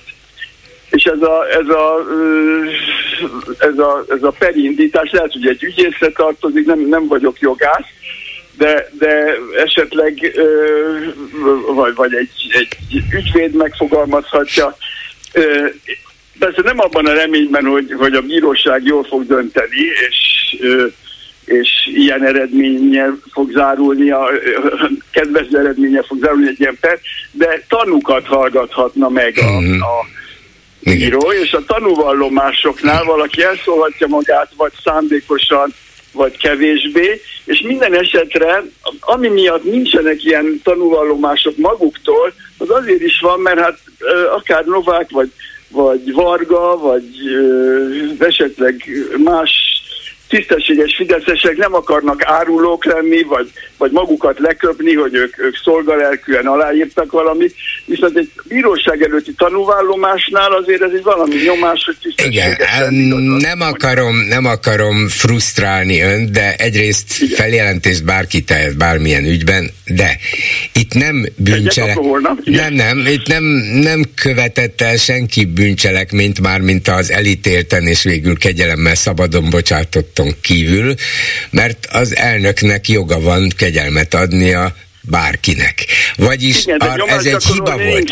Igen, de senkinek. milyen alapon tenné a feljelentést valaki, hogy nyomást nem lehet gyakorolni rá? Miért ne lehetne? Kegyelmi kérvényt be lehet adni hozzá? Lehet. Esetleg tanácsot adni neki? Lehet. Nyomást gyakorolni? Hát milyen, ha az a nyomás valamilyen megengedhetetlen eszközzel zajlik, akkor persze nem lehet, na de arra nincs se ügyészség, se rendőrség. hierarchiával például, munkahelyi hierarchiával, ha arra gondol, hogy hát fölötte nem áll senki, de ha arra gondol, hogy a miniszterelnök nyomást gyakorolt rá, akkor azt mondanám, hogy ez formálisan nem nyomásgyakorlás, hiszen neki eleve egyeztetnie kell, sőt szüksége van a kormány egyik tagjának úgynevezett ellenjegyzésére. Ha tehát megkérdezi a miniszterelnököt, mint ahogy 98-ban megtörtént egy másik ügyben az igazságügyminiszter, akkor, akkor ez, ez nem törvény ellenes, nem szabály ellenes, úgyhogy feljelentést nincs értelme tenni. Megkérdezni talán még lehet a hivatalban lévő köztársasági elnököt, de tudjuk a választ, vagyis azt, hogy nem nyilatkozik. Ez az egyetlen, amit elvileg lehetne tenni, még hivatalban van, még nem váltották le, még nem fogadták el a lemondását. Tessék elmondani, kedves elnökasszony, hogy hogy is történt, de kétlem, hogy elmondaná. Igen, egy kicsit nem lehet, hogy nem lehet-e, hogy valahogy a kettő között is van egy megoldás, hogy egy parlamenti bizottság valamilyen eljárást indít, ami önnek igaza van, nem feltétlenül bűnügyi eljárás, de valamilyen módon tanúk meghallgatását eredményezi. Tehát, hogy hogy, hogy, igen, hogy, értem, e- ezt a hogy parlamenti bizottságot annak, igen, ne, ne ő neki kelljen kezdeményezni, ugye, mert az, mert az tá, nagyon sok támadási felületet nyújt, hogy ő ilyen áruló, meg, meg, meg hát ugye Novák Katalin, hát szembe köpni magát, hogy ő aláírta, hogy ő ilyen szolgalelkű, de hogyha ha kénytelen lenne valamilyen tanúvallomást tenni, akár egy parlamenti kérdezés során, akár valamilyen, oké, okay,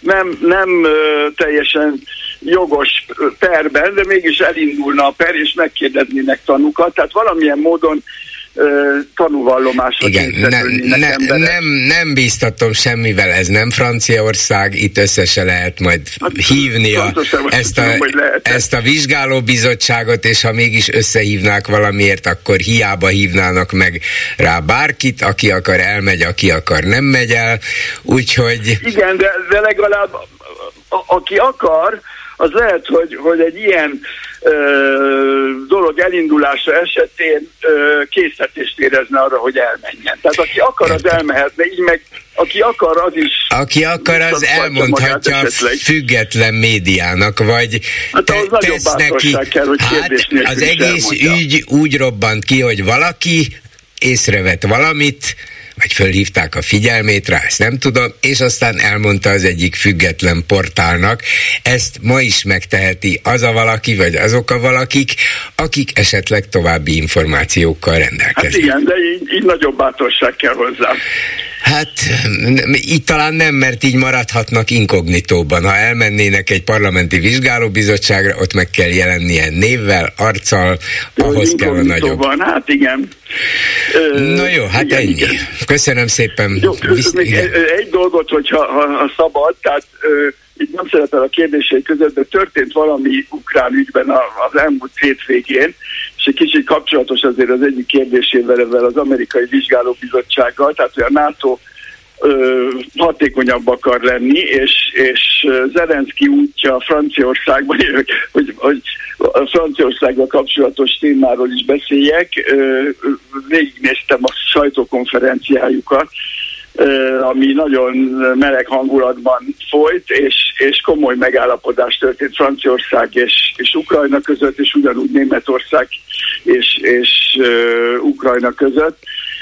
Azt hiszem Anglia és Ukrajna között is hasonló készül. Tehát Európa mint a felébredne, és talán ez némi reményt ad arra, hogy hogy nem hagyják cserben Ukrajnát. Igen, tehát, akkor, akkor sem, hogyha Trump véletlenül hatalomra kerülne. Bízunk benne, van, hogy így felkészülnek erre, mert ugye eddig egy kicsit hasonlít Münchenhez, Jaltához, 56, 68, 81, hogy hogy valahogy ilyen geopolitikai okokból a nyugat magára hagyja ezt a kelet-európai régiót, de talán ez mégse következik most. Bízom benne. Köszönöm szépen, hogy jelentkezett. Viszont hallásra. Viszont hallásra. A telefonnál pedig Szabó András, a Direkt 36 portál újságírója. Jó estét kívánok! Jó estét, üdvözlöm a hallgatókat! És akik hallgatták a reggeli műsorunkat, azok most hirtelen néznek ki a fejükből, hogy mi van. Hát őt már hallottuk reggel, és én is hallottam, és bevallom, ezért kértem, hogy folytassuk a beszélgetést, mert bennem maradt még néhány kérdés, amit reggel nyilván időhiányában nem lehetett már föltenni. Mégpedig a következők.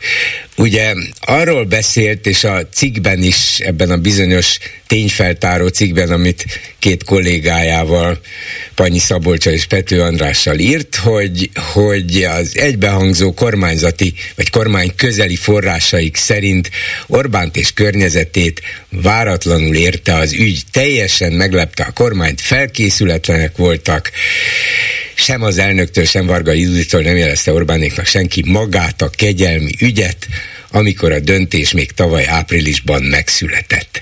Na most elhiszem, hogy ezek a források ilyeneket mondtak, de a kérdésem az, hogy ezek a források honnan tudták? Hát egy ilyen ügyről annak idején, amikor a kegyelmi ügyet eldöntötték, valószínűleg csak igen kevesen értesültek, ha maga a miniszterelnök sem. Ezeknek a kormány közeli forrásoknak, tehát az én feltételezésem szerint valaki elmondta, hogy hát bizony nem érdesült a miniszterelnök úr. Hogy történt ez? Hogy tudja mondjuk bizonyosra venni, vagy fel, bizonyos, nagy bizonyossággal feltételezni, hogy ezek az emberek, a Fidesz közeli források, vagy Fideszes források igazat mondtak?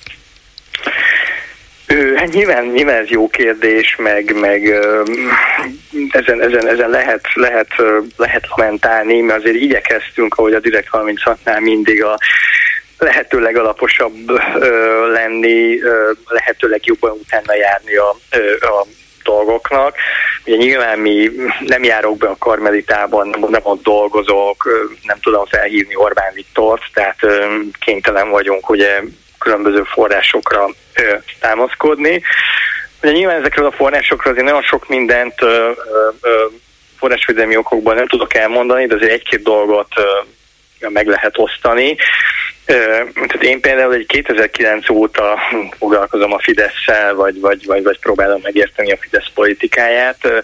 Azóta mm, találkoztam sok emberrel, vannak forrásaim, akik, akik sok-sok éve megvannak.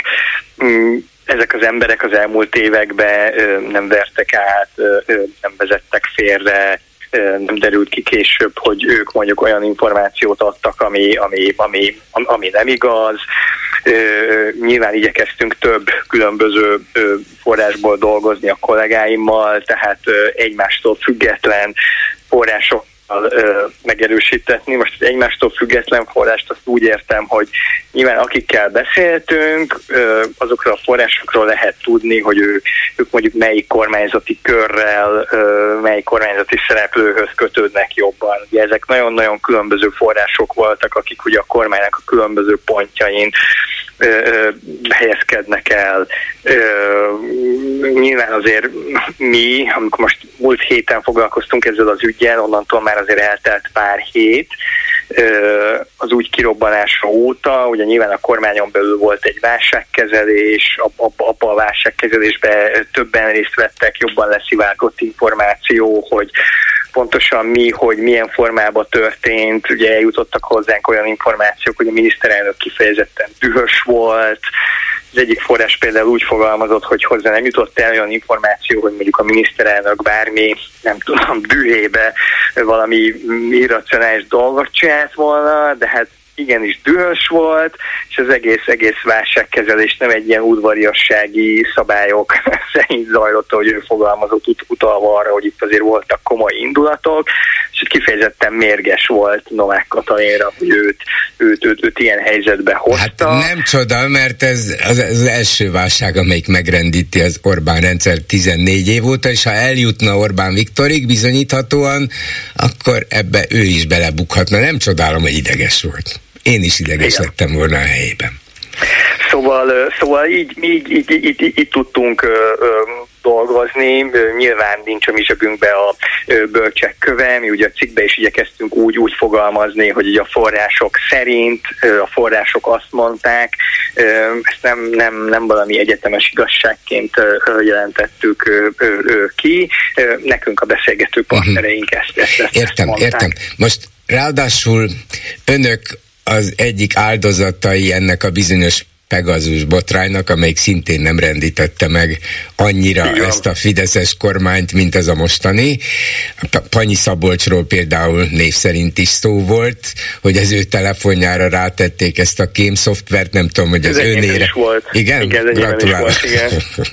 19-ben, 2019-ben. De éppen azért, mert önök erről már személyesen is tudomást szereztek. Szerintem önökben kell, hogy motoszkáljon az az érzés, valamint azokban a fideszes kormány közeli forrásokban is, hogy hát tudjuk, hogy volt, van, lesz Pegazus. Amit én itt elmondok, arról lehet, hogy más is tudomást szerez. Nem, nem ennek tudatában nem értékeli át azt, amit mondtak? Ez úgy nézett ki, hogy mondom, hogy ugye nekem vannak beszélgető partnereim kormány környezetéből tizenvalamennyi éve, mm, nem, nem sok, de azért ezeket az embereket régóta ismerem, szoktunk, szoktunk különböző közéleti témákról beszélni. Ugye nyilván az embernek a forrási köre, vagy, vagy akik, akik szóbálnak vele, az, az, az változik, cserélődik, stb. De ugye nyilván a Pegazus után nagyon sok forráson nem morzsolódott, eltűnt, volt, aki, aki, aki megsértődött, volt olyan Fideszes, hogy, hogy mi ezt a sztorit megírtuk, tehát ő sértődött meg, ne én sértődjek meg. Ő, ő volt, aki, aki, aki közölte velem, hogy azzal, hogy mi megírtuk ezzel ilyen információs háborút folytatunk a kormány ellen. Tehát nyilván ezek ilyen privát beszélgetésekben ennek, ennek érezhető volt a, a következménye.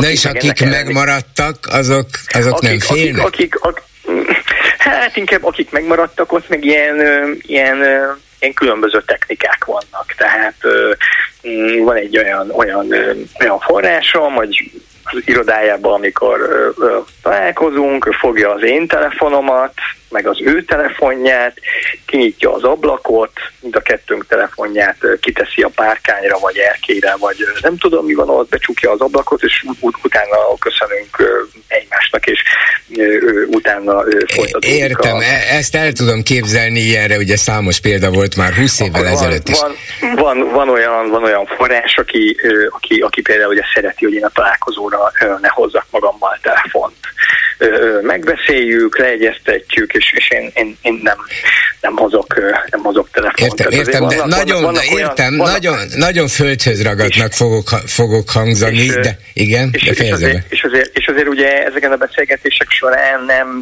nem, nem tudom, milyen államtitkokat, meg nem tudom, miket ö, ö, Remélem is. Ö, ö, megosztani, hanem segítenek értelmezni az eseményeket, hozzátesznek egy kis mozaikot, a következő találkozóra megyek azzal a kis mozaikkal, arra kérdezek rá, tehát ö, néhány szereplő azt gondolja, hogy neki, neki van annyi mhm. autonómiája, hogy közepes erősségű információkat megoszt velem is mondjuk arról, arról, arról beszélünk, de ezt megérezhető egy lemorzsolódás kétségtelen. Igen, mondom, lehet, hogy túl földhöz ragadt vagyok, de nehezen tudom elképzelni erről a kormányról és rendszerről, hogy független attól, hogy hova teszik a telefonjukat.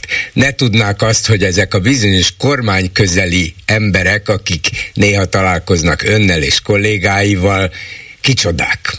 És hogyha megjelenik a Direkt 36-ban valami arról, hogy esetleg nem az, ami megjelent, hanem esetleg, de Orbán Viktornak mégis állítólag volt valami tudomása a dologról előtte, akkor azonnal ki tudják nyomozni, hogy ki a fene is volt az, aki ezt mondta. Vagyis ezt azok az emberek is sejthetik, vagy félhetnek tőle, akik önöknek lehet, nem vonom kétségbe, az információ, a jó információkat adták. Kétségtelen, és ugye nyilván emiatt, emiatt mondom, nagyon-nagyon jelentősen elapadtak a források, tehát olyan emberek, akik amikor még a régi origó, tehát nem a neres origó, hanem még a régi origónál dolgoztam, ott, ott rendszeresen tudtam olyan emberekkel találkozni, akik, akik most se, semmire nem reagálnak egyszerűen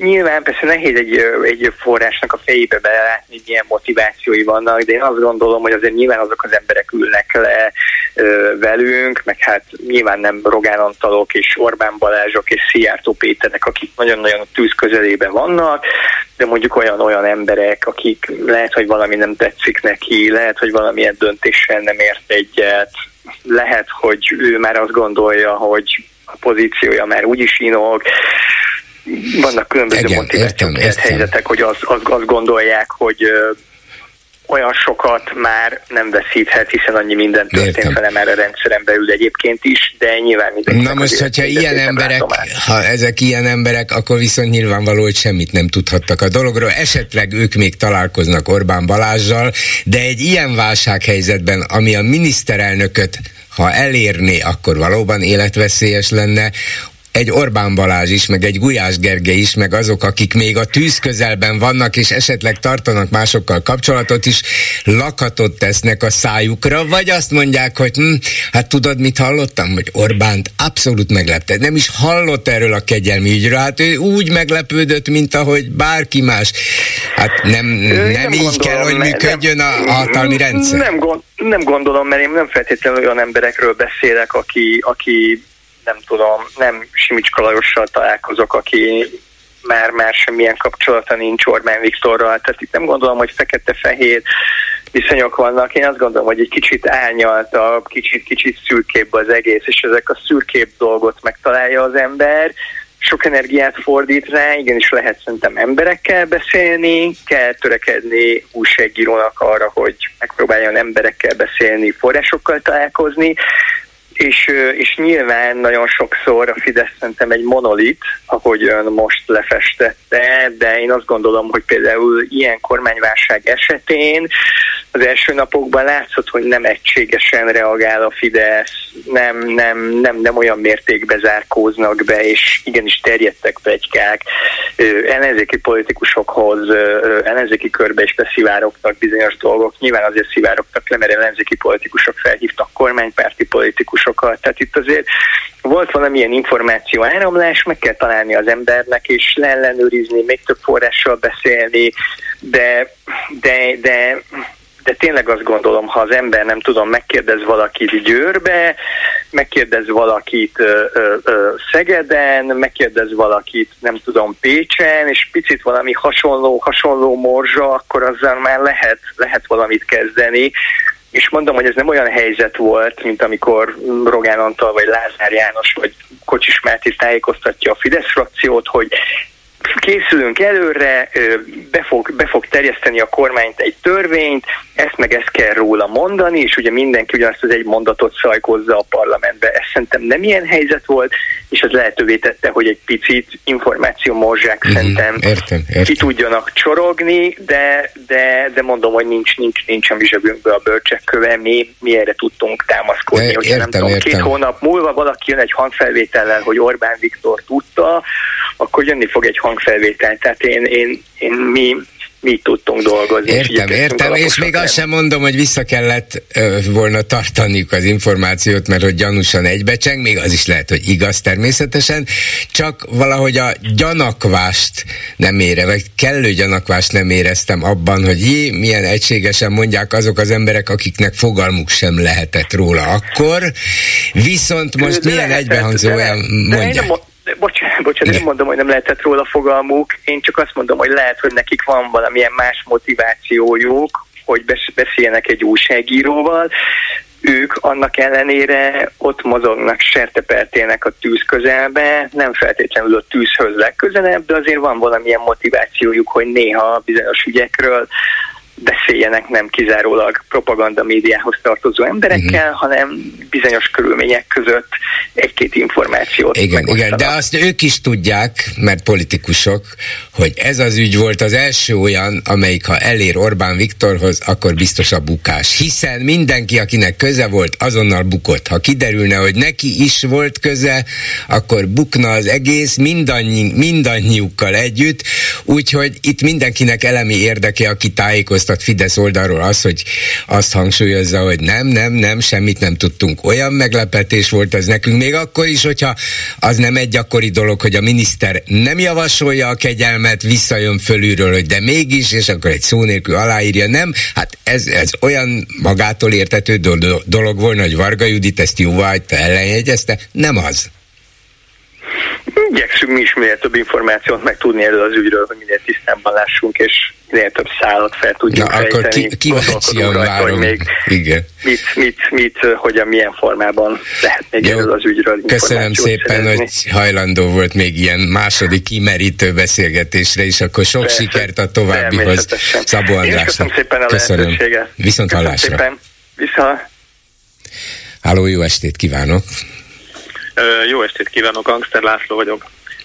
Egy röpke paranoiát szeretnénk előadni, Na. így előjáróban. A, én is hallottam reggel félfülel a kínai, ki volt ez? Miniszterelnök, vagy akárki, aki Nem, nem, azt a... valami közbiztonsági, vagy ilyen miniszter, nem, nem miniszterelnök, nem. Szóval nem miniszterelnök. Nem, nem. Na. Ö, pár éve, vagy egy-két éve elég sok cikk volt Magyarországon is megjelentek, arról, hogy bizonyos kínai nagyvárosokban, nem tudom hol, Sankai, akármi, bevezettek olyan rendszert, na itt van a paranoiám, amikor ö, mi a arcfelismerő rendszerek nézik a utcán a tömeget, és ráadásul képesek megítélni, hogy jó kedvük van, rossz kedvük van, valamint különféle pontokat adnak nekik, hogy mennyire jó állampolgárok, stb. stb. Nem tudom, erről hallott-e, vagy ezt Igen, tudja? volt, volt, igen, igen, volt ilyen információ valóban.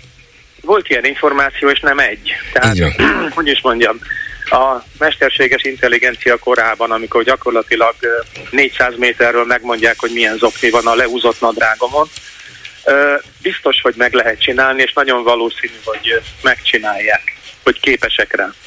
A másik pedig ugye látjuk, a, nem csak izraeli kémszoftverek vannak, nem csak Pegasus van, hanem nyilván a kínaiak is előjárnak ebben a dologban.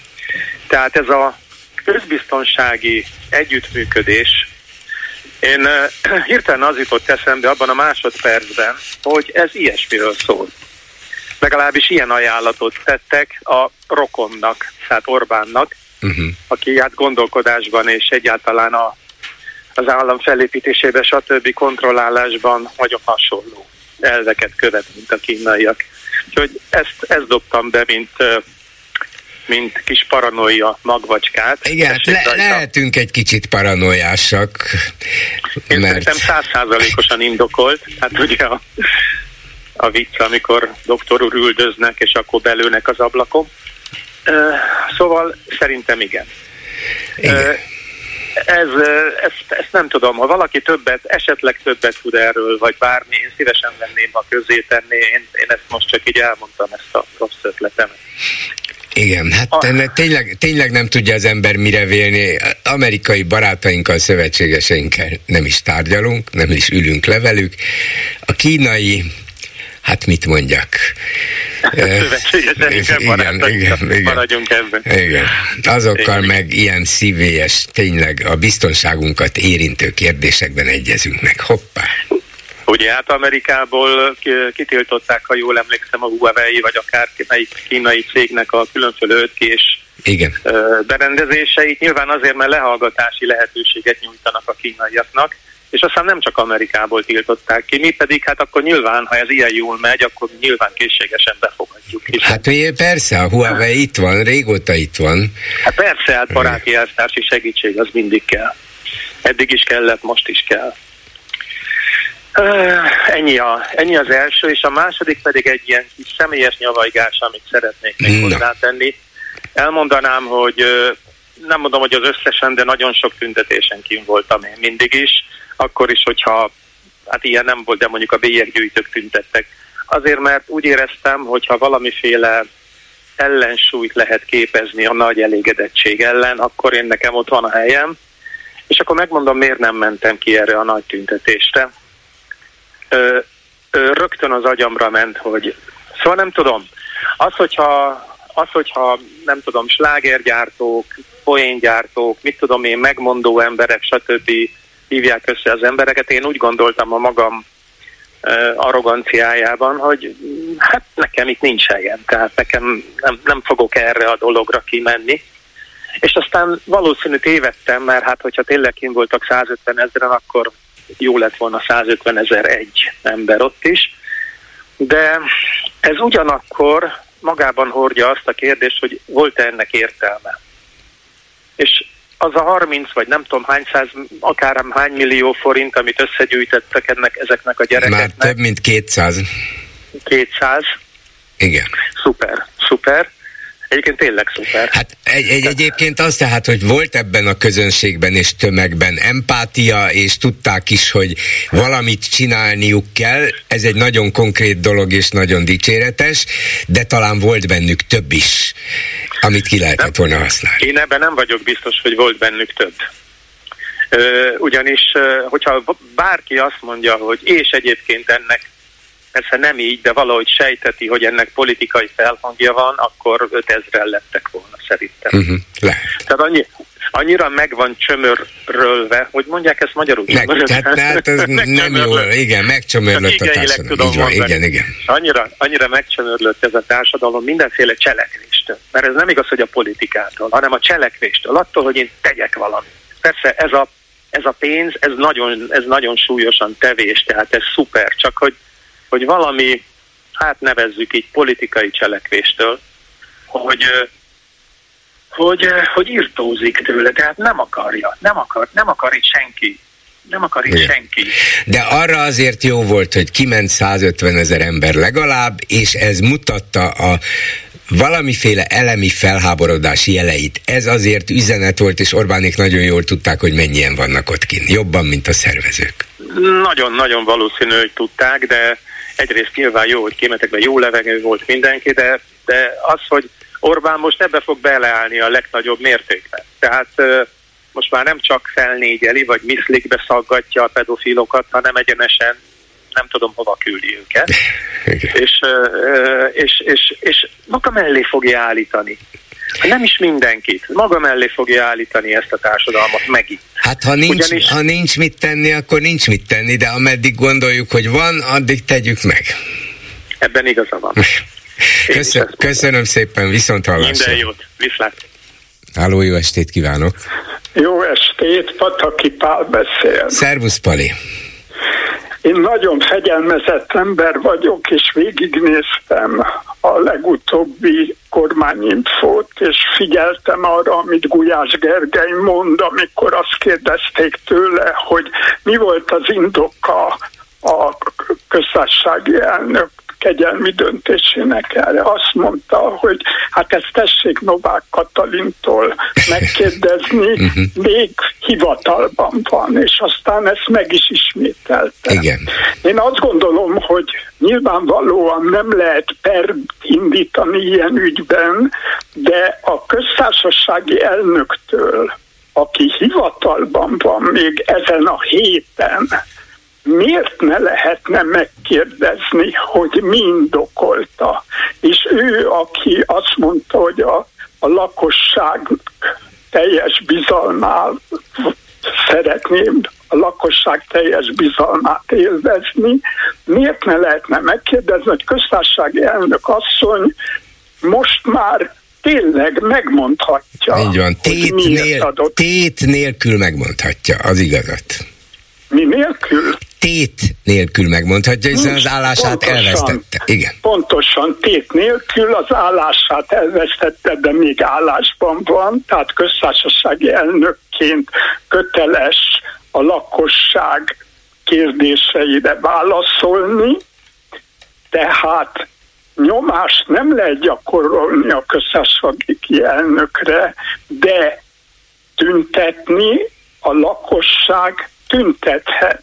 Tehát azt gondolom, hogy most volna értelme megint a Sándor Palota elé vonulni, és kérni a köztársasági elnököt, hogy most már mondja el, hogy mi indokolta a döntését, mm-hmm. és ha ő ezt elmondja, az nagyon fontos fejlemény lehet. Igen, akár, akár be is vonulhat a történelembe. Akár be is vonulhat a történelembe, tehát nem, nem ezt úgy kedvesen megkérdezni tőle, hogy hát, mert ugye azt mondtad múlt hét végén, hogy hát hát, ha majd egyszer elmondja, akkor annak már nincs jelentősége. Most van jelentősége, és most még elnök. Köszönöm Csak szépen, köszönöm Pali, hogy elmondtad. Jó javaslat, megpróbálom föltenni ezt a kérdést másoknak is, akik, akiket köszönöm illet. Köszönöm, szervusz. szervusz.